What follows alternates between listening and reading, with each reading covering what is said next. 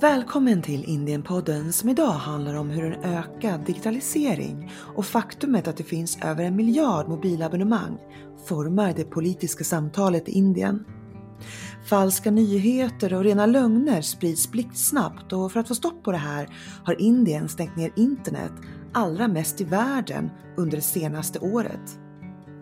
I början av sommaren ändrades också lagen så att Twitter och andra sociala medier kan bli ansvariga för vad användarna skriver.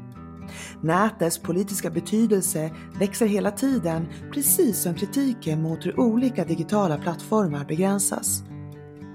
Allt det här ska vi prata mer om i Indienpodden som görs av South Asia Initiative som är ett samarbete mellan Utrikespolitiska institutet och SASNET, Swedish South Asian Studies Network.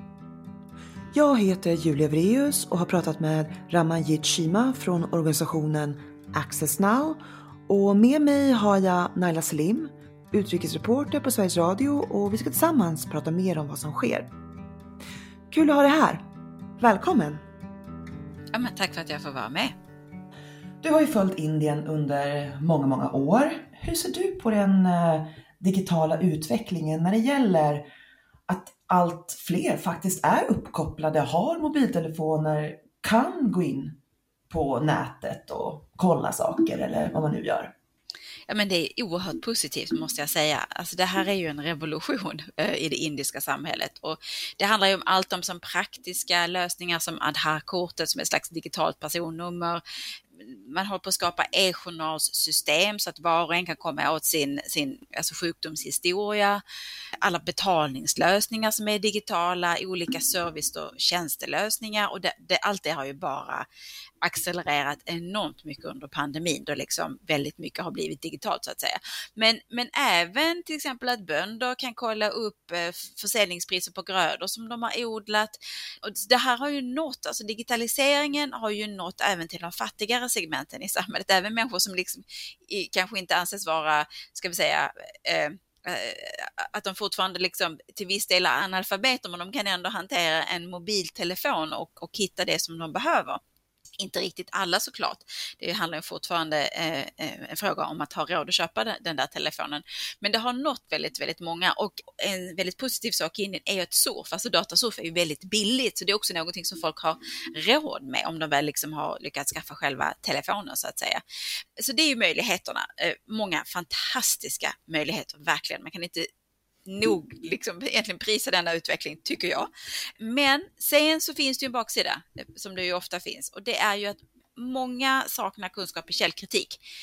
Så påverkanskampanjer kan ju få helt fatala konsekvenser och får det också. Eh, jag tar ett exempel. Eh, för några år sedan så spreds det rykten via WhatsApp som ju är en social medietjänst som är väldigt, väldigt populär i Indien.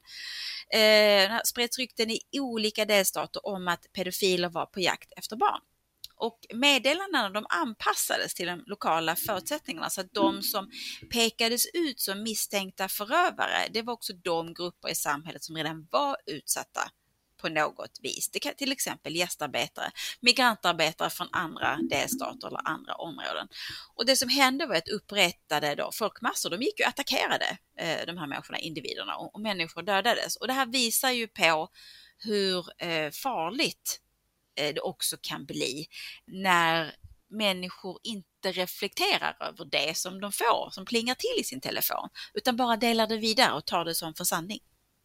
760 miljoner indier har smartmobiler. Blir också fler röster hörda? Kommer fler personer till tals? Eller hur ser det ut där? Alltså det är ju inte bara för att du har en, en, en mobiltelefon så, så blir du liksom, vågar du höja din röst? Alltså så enkelt är det ju inte. Det, till exempel så i vissa samhällen, vissa familjer är det så att när en kvinna gifter sig så vill inte hennes eh, svärföräldrar att hon ska använda sin smarta mobil längre, att hon inte ska ha tillgång till en mobiltelefon, hon ska inte längre finnas på sociala medier och så, utan då, då ska, förväntas hon gå in i en annan slags hemmafru-roll eh, där det inte passar sig med den typen av, utav kontakter. Eh, men eh, bara det att man har en telefon gör ju också att det finns en fysisk möjlighet att använda den. I det, på det stora hela så tycker jag att, att den här utvecklingen är fantastisk och att den också leder till en bredd utav perspektiv och att fler blir gör sina röster hörda, att fler hittar vägar att gå förbi de strukturer som kanske annars liksom har stått lite i vägen så att säga eh, och ta sig fram. Och det, det visar ju, det, liksom till exempel kvinnor har varit väldigt duktiga på att organisera sig på nätet genom olika kampanjer på sociala medier där man lyfter fram frågor om sexuellt våld och kvinnors säkerhet i samhället och väldigt många väldigt roliga små filmer och videos liksom om att det här är okej, det här är inte okej, okay. till exempel på, i, i kontorslandskap och så vidare, liksom, så att man liksom tar debatten ut i offentligheten på ett sätt. Så jag, jag, tycker nog att, att, att chanserna för att fler ska bli hörda för en större mångfald, den är god. Det har hänt mycket under de senaste åren och någon som har kämpat länge för just internetanvändarnas rättigheter är juristen Raman Jitchima från organisationen Access Now som jag har pratat med.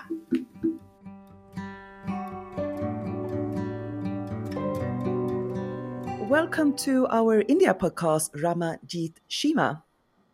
Thank you for having me, Julia. You are Asia Policy Director at Access Now, and you have a long experience from working with internet freedom and users' rights in India. Why are you interested in these issues? So, I've always been interested and fascinated by how technology changes our lives. I've been a computer geek from a young age, but for me, most, most notably, when I went to law school, it was very important to recognize that the fundamental rights that we take for granted in many democracies and that we need to fight to enlarge that the internet and technology plays a critical role in the in that and that they can both help further empower and liberate it they can also place them at risk. And i've been very interested therefore in the policy conversation. That means how laws are framed or created on the political conversation around how technology shapes our everyday lives. And i think if technology is very important to democracy it's crucial for democracies to also be clear and open about how they approach technology, particularly the internet. What would you say is the main battle right now when it comes to digital users' rights in India and the neighboring countries? I think that the tension fundamentally is that what is the role of, of government actors and of even national parliaments and lawmakers in addressing concerns raised by big tech or by other the ill effects also parts of technology, but doing so in a manner that is actually individual centric and seeking to protect fundamental rights. So, in a nutshell, how can you advance good policy and good regulation for the internet without undermining the fundamental rights that the internet makes possible? That is what I think is right now critical right now. It's also recognizing that I think we're all skeptical around technology and big tech in particular, but we shouldn't let that become an excuse for big and sometimes oppressive government, whether in democracies or authoritarian states. There are more than 1 billion mobile users in India and the rising digital access. How is this affecting the public debate online? I think you see, A, that there is very robust public debate in India, including what the government does. And more recently, during the second wave of the pandemic in India and the horrific images and reports you would have seen with, you know, hundreds of thousands of people impacted and potentially up to, you know, you know millions of people impacted as well as many fatalities you saw the internet play a critical role in this with people revealing data news reports and others indicating what the government is doing but also a space for people to publicly push back and criticize you know negligent actions by state governments as well as by the federal government that is the union government but because it's more important, that's perhaps even more critical for the government right now for them to send this message out that they want to have more controls of online speech. So essentially, at the same time that the internet is crucial to India, you also see more attempts to restrict and regulate online speech in India. And there's definitely an attempt ongoing, you could argue, to create a chilling effect, to send out this message that we can censor you, we can you can bring criminal uh, you know lawsuit, we can bring criminal charges or lawsuits against you we can spy upon what you're saying using our surveillance powers, send this message out that if you do use the internet to say stuff that is critical of ruling political figures, that action can be taken against you or against the platforms who make that possible. So, in effect, there's an attempt to chill online free speech in India at the time when the internet is most important. And one more thing you will see is that there's been a strong resistance or pushback by many people on these moves by the government. But it also happens alongside a time when you could see that the government is taking all steps to try and restrict or intimidate people. And also, it's happening, especially this focus on Twitter, in fact, you could argue is a distraction. It's a sideshow because it's a very useful political and patriotic excuse to say, look, we're targeting this big foreign you know, tech company that's known to be disruptive. and not talk about the fact that they're trying to shut down Indian news media outlets online and Indian social media platforms as well. Rumors and fake news are common everywhere in the world, of course, uh, and in India as well. It's very prevalent. What would you say is this uh, a threat to democracy right now in India? I think the the weaponization of misinformation and the use of it at scale is very alarming for India's democracy, as well as the increase in the amount of politically directed hate speech online, where a lot of hate speech is being used to target minorities, to target ethnically vulnerable communities, to target India's scheduled caste, scheduled tribe communities, as well as women or anybody who dissents. And therefore, you have this moment in India where you have the worries around weaponized and at scale misinformation, hate speech, and the political links of this. That is not just something that's being done by extreme eh, or minor actors, it's being done by organized political units, not just of the ruling party, but by many other parties as well. Which is why, in fact, you need to see the platforms doing more, being more transparent around what they're doing, being public about it, but taking more steps. And the fact that the government seems to have been most upset by that is itself telling because they're trying to send a signal out that you can take steps, but don't you dare take steps that target politically linked people connected to us the other thing in India, in a sense, is that you do not see enough open public discussion around this.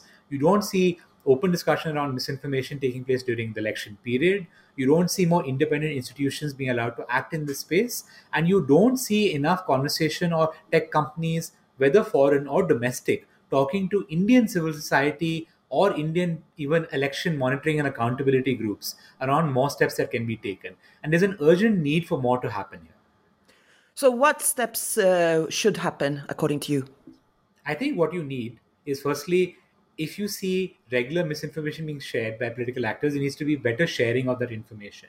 You need to see clarity from all tech platforms on how they police or take down such content, as well as regularly providing more transparency around what's called coordinated inauthentic behavior. That means at scale sharing of false information, as well as revealing which actors are doing that and if they are determined resource actors. By that, I mean not just other governments, for example, but if there are political parties or even political campaigns in India doing this on a regular basis, naming them, shaming them, providing the information about them, and also more transparency around who is paying for political ads in India, not just direct political ads on social media, but also the supporting ecosystem there. You need more regulation and policing as well as around, around how political parties use technology and online social media in India. And I'll leave you one last thing what should not be done? What should not be done is these IT rules. These must be reviewed and they must be, in fact, repealed. And in fact, just two weeks ago, 14 international NGOs joined together to say that the IT rules, in fact, do not help combat misinformation. They make the situation worse and they need to be reviewed. You saw a joint statement issued just a few days ago by the UN Special Rapporteurs on free speech, freedom of assembly, as well as the right to privacy, saying that India's IT rules are deeply alarming and don't help combat these sorts of actions. And you need to also call India to task, or I would say call the Indian Union government to accountability on the fact that they say internet shutdowns help combat misinformation. India is the world's worst perpetrator of internet shutdowns. It conducts more shutdowns than any other country on the planet by a massive proportion. And India's ministers have actually said in parliament that they use internet shutdowns as a way to combat misinformation. So, how are the political parties using? Uh, online uh, rumors or misinformation or spreading information to in this political battle I think you see a massive use of WhatsApp in particular and other messaging platforms to share messages on a rapid basis. Often, for example, you see people in India, um, you know, not just like elite communities, but everyday people who use it, often depending on messaging platforms, particularly WhatsApp, practically as a source of news. They will get alerts about updates or developments as a as a as a message sent to them that doesn't always link to a story, and that in fact allows for misinformation to spread because people say this is a new story, please reshare this further, and actually it doesn't link to any like real life website. But you're starting to see more concerted action. And by the way, here the political parties do play a major role because they have volunteers who help send messages for them connect to people. And some of that is legitimate. But unfortunately, a lot of that is also sometimes targeted misinformation or attempts to even incite uh, communal tension. The other thing that you're seeing in India is, in fact, a recent trend where a lot of political parties have invested in online news websites or journalists similar to mainstream news websites, but actually are news websites run by their political affiliates. So, you know, names similar to Guardian or others, in order to say, oh, look, this is you know targeted this seems legitimate but actually it's not it's misinformation for example the bbc note has said that some of the most uh, active misleading uh, reports or misuse of their name is actually coming from the subcontinent because people associate the BBC with legitimate information. And you see lots of messages posted in India that claim to be from the BBC but don't link to a proper story. And what can be done to improve the situation? I think one action you need to do is to ensure true independence and accountability of regulators in the media space from the union government. You see, the reality, unfortunately, is that the government system in India has far too much control over news media, both in terms of how broadcast operators transmit and operate, but even on things like newsprint, for example. In India, most newspapers require imported newsprint that the government can control the customs price on. They have powers on regulation. But I think ultimately, you do need frankly more independent oversight and transparency in this space. We need to allow members of parliament, including opposition members of parliament and others, to be there.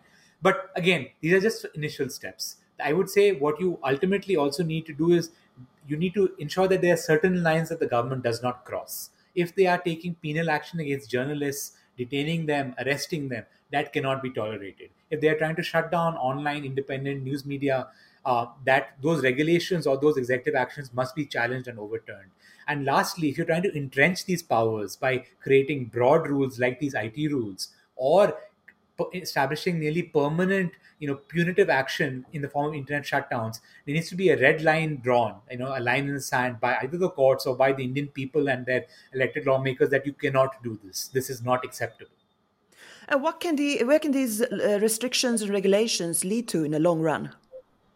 I think you can see that democracy is a is an important state of being but one that can rapidly deteriorate so as you can see, I think India needs to learn the lessons of not being like states such as Turkey or even some of our neighbors, whether the other countries in South Asia, but needs to be resistant to this idea of exerting power in order to entrench the dominant political interests.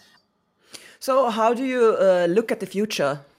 Uh, I'm always an optimist. I think there's a lot of space to be able to push back. But I think it's very important for India to take a strong position on this right now, which means it's for the Indian people, for political actors across the spectrum to take a strong, aggressive, clear position, but to recognize an overall trend that for the last 15 years, there's been a push not just from this ruling party and coalition, but even from their predecessors, to try and cement more controls over internet speech. And it's getting worse. And we need to take a strong like course correction. And India has taken this course correction before, in 2015 2016 india took a very strong position including under prime minister modi as he just stepped into power on the issue of network neutrality around the idea that a free and open internet is critical and telecom companies cannot be used cannot allow their market power to control what you access on the internet.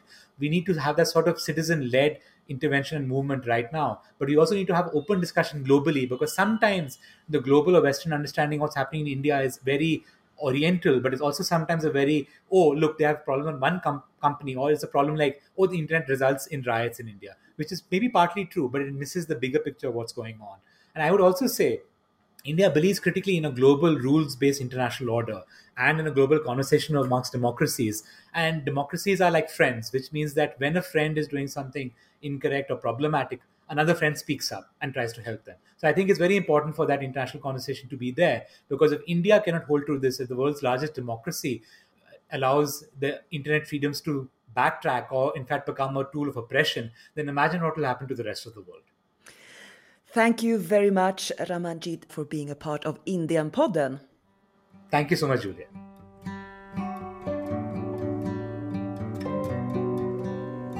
Naila, vad tänker du kring eh, Ramans analys om hur läget är när det gäller internetanvändarnas rättigheter?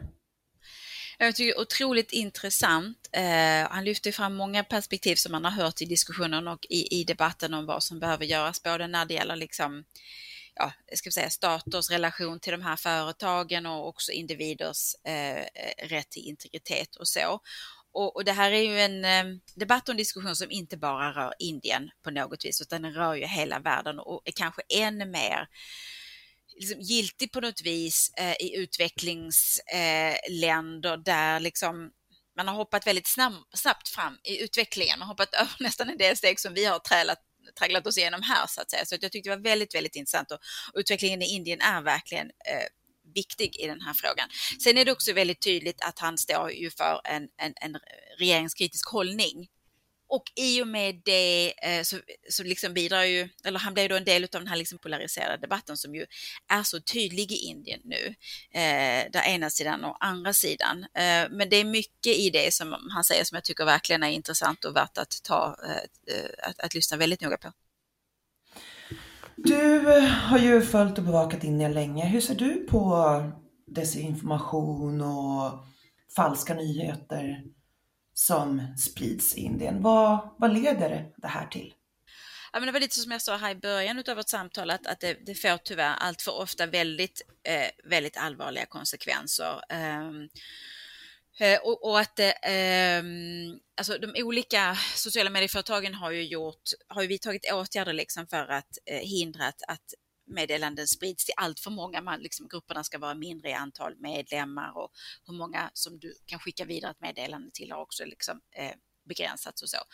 Men, men det, är, eh, det är ett reellt problem med falska nyheter och fake news. Eh, det bidrar liksom till den här polariseringen och att det liksom finns en, en för liten och för svag diskussion om kan du lita på det du läser bara för att det råkar skickas till dig från din granne? Du gillar ju din granne och du har ju liksom i det dagliga livet stort förtroende för din granne, men vet din granne verkligen var kommer det här meddelandet ifrån? Källkritiken, kan man, kan man liksom eh, verkligen lita på det här så att säga? Det, det, där, eh, det, det, är farligt och man kan liksom säga lite att det, i Indien har man tidigare pratat om liksom mobben på gatan som som något som, som man ska se upp Eh, för mig. Det, liksom, det kan bli väldigt våldsamt vid eh, demonstrationer, manifestationer och, och, och, grupper som slåss med varandra som kan gå bärsärkagång. Men, men nu hänger ju det där ihop liksom, med det som sker digitalt. Eh, har vi ju sett i flera fall, liksom att den här upppiskandet av en hatisk stämning, den har börjat på nätet och sen så tar den sig vidare ut i, i, i verkligheten. Så det, det, det kan bli jättefarligt. Det är ju många som är eh, kritiska eh, mot den här utvecklingen som eh, Raman Jitshima till exempel. Och det finns ju en del som försöker göra en skillnad och avslöja till exempel falska nyheter på olika sätt och ha liksom motkampanjer. Har det någon effekt? Uh, alltså med en befolkning som är plus 1,3 miljarder människor så är det ju svårt att veta om, om de här hade avslöjanden att den och den bilden var fejk, den var inte alls från det och det här tillfället, det var taget från någon annanstans ifrån för tre år sedan eller vad det kan ha varit. Kanske inte ens en gång i Indien. Når det fram till alla? Det är ju helt hopplöst att veta. Men, men att det finns gör ju att åtminstone att chansen finns att man kan diskutera det. Eh, så de, jag skulle säga att de här eh, de olika eh, fakta checkande eh, liksom, organisationer att de är jätteviktiga, men det är jättesvårt att mäta deras effekt. Men, men, men, men chansen är att, nej, att de finns och att de kan avslöja vissa, eh, vissa lögner eh, och falska nyheter. I de bästa fall så kan det ju sen också komma in i mainstream media som ju också når än fler. Förra året så var Indien det landet i världen som eh, stängde av internet för sina invånare allra mest. Det skedde till exempelvis under de här stora bondeprotesterna i eh, Indien som då var i Delhi, som var då eh, i början av året innan pandemin. Och, och regeringen menar att de på det här sättet stoppar just desinformation och, och falska nyheter och liksom hindrar att det begås våld till exempel. Vad, vad tänker du kring det här? jag tänker som så att Indien är ju inte ensamt om att stänga ner nätet eh, under förevändning att man ska kväsa protester. Och, men, men, men som du säger, eh, det är land i världen som gjorde allra mest i fjol. Mm, alltså man brukar hålla fram den, den sortens agerande ifrån eh, stater oavsett vilka stater det är som ett demokratiskt problem, att man stänger ner möjligheten för kommunikation för många. För man då stänger man ner det inte bara för de som möjligtvis är involverade i någonting som man vill som man vill kväsa helt enkelt. Utan att liksom också för alla andra som behöver kommunicera utav skäl som vi behöver kommunicera varenda dag i livet. Liksom. Jag behöver till läkaren, eh, jag behöver ditten, det har hänt någonting här. Liksom. Eh, det, här, det, här, det som utgör ett liv ehm, och det är ju problematiskt. Ehm, och just att man också gör det återkommande. Men vissa platser i Indien är ju mer drabbade av detta, till exempel Kashmirdalen där ju man månad ut och månad in eh, inte har liksom kunnat kommunicera med familjemedlemmar och grannar eh, och där är ju situationen Alltså det kan få många alltså stora konsekvenser i människors privatliv helt enkelt, som inte har med själva eh, den här kampen, den väpnade kampen för ett fritt Kashmir att göra. Och regeringens kritiker menar att man gör det här alldeles för ofta, att det är något man tar till snabbt liksom och att man gör det inte bara för att kväsa en protest som kan bli våldsam, utan också att man gör det för att liksom få kontroll över narrativet, det får väl berättelsen om en händelse, om ett händelseförlopp och vem som har rätt och vem som har fel i den här. Men sen en annan aspekt är ju, och, och, och regeringen säger ju att eller myndigheterna säger ju att, att det liksom finns, finns säkerhetsmässiga perspektiv och aspekter till att man gör som man gör. Och, och man gör ju det även liksom som sagt på, på många ställen utanför Indien. Och där, det är ju helt hopplöst att, att liksom kolla det. Eh, för jag menar, om det, om det är på grund av säkerhetsmässiga skäl så är det ju, det hör ju till sakens natur att journalister och andra, vi får ju ingen insyn i det. För liksom det säkerhetsarbetet, det, det sköts ju i det fördolda så att säga. Det är liksom i känsliga uppgifter, det kan inte vara ute till allas beskådan. Och då är det också väldigt svårt att bedöma om det var relevant eller inte det, det, är lätt att kritisera regeringen och det är svårt att veta om regeringen liksom de facto har haft skäl att göra så här, att, att, att det var relevant. Premiärminister Narendra Modi och BJP styr landet. Hur är eh, Modis och BJPs digitala närvaro? Ja, men den är enorm. Eh, alltså man brukar ju säga att eh, BJPs framgång i de senaste två parlamentsvalen, alltså det kan ju tillskrivas deras digitala närvaro väldigt mycket. Sen har de också en väldigt utbyggd och aktiv eh, gräsrotsverksamhet som också går ner på byanivå och kvartersnivå och så, där man liksom är väldigt aktiv och, och, och, och talar med människor eh, kring de här liksom, hinduiska värderingarna och det som man alltså, anser vara viktigt då. Men, men de här, alltså den digitala närvaron den är massiv. Alltså Narendra Modi är jätteduktig på det och, och partiet. De är väldigt, väldigt duktiga på att tala direkt till folket. Han har ju sitt eget, han har haft en, en, sin egen app och han har ju sin Twitterkanal och liksom, men man, är, man vänder sig direkt ut med sitt budskap. Man går liksom inte via medier och olika presskommunikéer utan man är där och det har ju också pratats om att man har tagit hjälp utav, att partiet har tagit hjälp utav liksom indier bosatta i USA som jag har jobbat då i Silicon Valley, liksom, att de har engagerat sig i att lära partiet hur man arbetar eh, digitalt och slagkraftigt. Så att det, att det liksom är liksom en av anledningarna till att man, att man är så duktig på det. Och man är mycket duktigare på det till exempel än, än eh, oppositionspartiet, eh, kongresspartiet som liksom är ja, ligger väldigt långt efter eh, i, i den digitala närvaron och, och hur man ska vara slagkraftig där. Och det är intressant för att eh, Modi kom ju till makten samtidigt som så otroligt många indier fick tillgång till sociala medier och ännu större del av befolkningen som ändå fick tillgång. Så det, det märks ju att han har ju verkligen utnyttjat den, vad ska man säga, tajmingen tycker jag på många sätt. Men det har han gjort och, och, och eh, Narendra Modi han ger ju ogärna intervjuer. Han har inte gett många intervjuer eh, under sin tid som, som eh, eh, som, som premiärminister.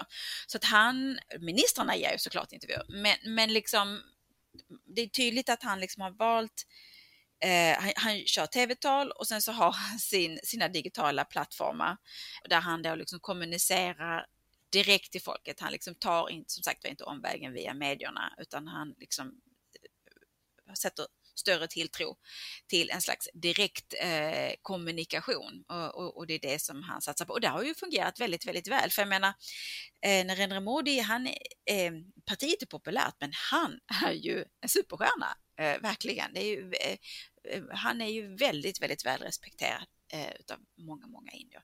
Det är honom man vill ha. Så frågan är ju, han håller ju på att åldras precis som vi alla gör. Eh, att ta över efter honom och att hitta en efterträdare som är lika karismatisk och som kan liksom entusiasmera massorna på samma sätt. Det kommer verkligen inte att bli lätt.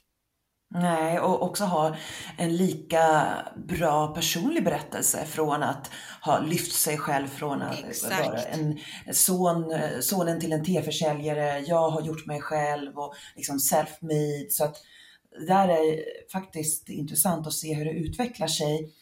Jag tycker också att det är intressant att Twitter, eh, att han är så eh, när, alltså han har så stor närvaro på Twitter som, och kommer med, med så mycket politik. För Twitter har ju varit väldigt omtvistat i Indien. Trots att det faktiskt bara är 15 miljoner indier som är omkring en 1% av den indiska befolkningen som använder Twitter.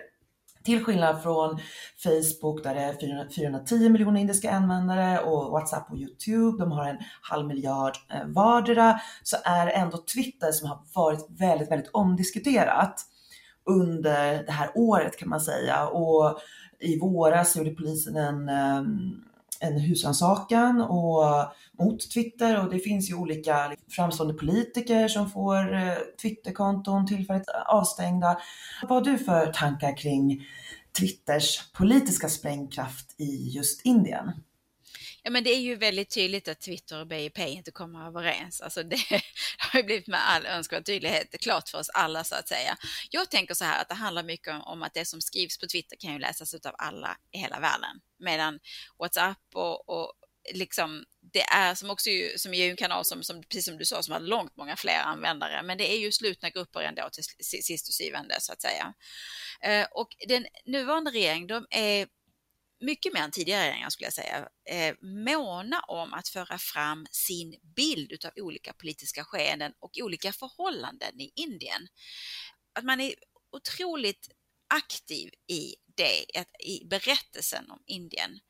Och där är, då, då blir ju till exempel just då Twitter e-, ett sätt att, att berätta den berättelsen om man ska säga så. Det var ju liksom väldigt tydligt i när de här bondeprotesterna och så var det ju några, bland annat Greta Thunberg och så var det några Hollywood-skådespelare och lite andra människor som liksom gick ut och twittrade sitt stöd till de indiska bönderna och det resulterade i en, i en massiv kampanj får man säga ifrån ja, men politiska företrädare såklart, men även Bollywood-filmstjärnor och sportpersonligheter i Indien som liksom gick ut som en röst och menade på att man ska inte lägga sig i Indiens inre angelägenheter och att, och att man i omvärlden liksom har för bristfälliga kunskaper om, om, om eh, jordbruksreformerna och varför de behövs och, liksom, och, och, och liksom det faktiska skeendet så att säga. Eh, och, och, det där tänker jag, det där, och, och, det där händer tid efter annan och det där är så väldigt tydligt liksom att det blir att man svarar upp på det sättet och att, att BIP få människor att svara upp på det sättet, att ställa sig bakom deras, eh, deras retorik och deras eh, politik. Och, och, och, i förlängningen där så är det ju ofta så att man, man kan få höra ifrån eh, regeringsföreträdare, indiska företrädare på olika vis att omvärlden inte förstår Indien och utvecklingen som sker i Indien och att man kanske att omvärlden också fortsätter att stirra sig blind på de problem som Indien har, till exempel med fattigdom. Istället för att titta på hur många det är som har fått det bättre de senaste decennierna. Att man, liksom, att man konsekvent inte uppskattar den utveckling som de facto har ägt rum. Ehm, och där blir liksom då det offentliga samtalet och det offentliga samtalet som kan föras på en plattform som kan läsas av alla. Ja, men det hamnar liksom precis i skärningspunkten, med mitten av den där konflikten tänker jag. Och jag, jag, tror att det är mycket det som gör att Twitter om man har Twitter, det är bråda dagar på, på, på Twitters kontor, liksom, att man inte, att det är liksom, att de här konflikten mellan den indiska staten, BIP och Twitter hela tiden tar sig nya vändningar. Indien går ut till val 2024 om mindre än tre år och den digitala utvecklingen stannar ju knappast. Hur tror du att den digitala utvecklingen kommer att påverka valkampanjen och, och utfallet och det, det vi kommer se nu här inom några år? Ja, men alltså digitaliseringen är ju här för att stanna och eh, BIP har ju mobiliserat massivt digitalt inför varje valkampanj de senaste, ja, men, de senaste valen och även på delstatsvalsbasis eh, så att säga, som ju är nog så viktiga val i Indien eftersom det sen utgör själva grogrunden för riksvalet om man ska säga det nationella valet. Eh, kongresspartiet de ligger på efterkälken där. Jag ser det som helt otroligt att inte digitaliseringen skulle få än större betydelse eh, i, i nästa val också därmed återigen så väcks ju den här diskussionen eh, att bekämpandet av falska nyheter och hur det ska gå till. Det har ju liksom kommit kritik att även om man hade steppat upp det arbetet, jag vet att valkommissionen de hade de hade eh, medarbetare som satt på partiernas liksom war rooms eller strategirum där man liksom skulle skicka ut de här sociala mediemeddelandena och, och, och, lägga upp de här strategierna för att liksom på plats bevaka att, att man höll sig inom ja, eh, höll sig inom de gränser som är satta av valkommissionen för hur man får lov att föra fram politiska budskap under en, en valrörelse. Så, så var det ju liksom, har jag ändå pratat om att det var ändå alldeles för lite resurser jämfört med de resurser som partierna har att lägga på att föra fram sitt budskap. Att det krävs mycket, mycket mer om man ska liksom steppa upp, ska vi säga, bevakningen utav det här då. Eh, så, så, och den här diskussionen kring vem är ansvarig för vad som sägs på sociala medier, den är otroligt intressant. Eh, inte minst i en politisk valrörelse. Eh, där ju eh, liksom det alltid har funnits en tradition av att man skarvar rätt mycket med sanningen så att säga. Så, så att det, här, eh, det här kommer man att behöva hålla ögonen på, eh, verkligen. Stort tack Nalla Salim för att du var gäst här i Indienpodden. Tack.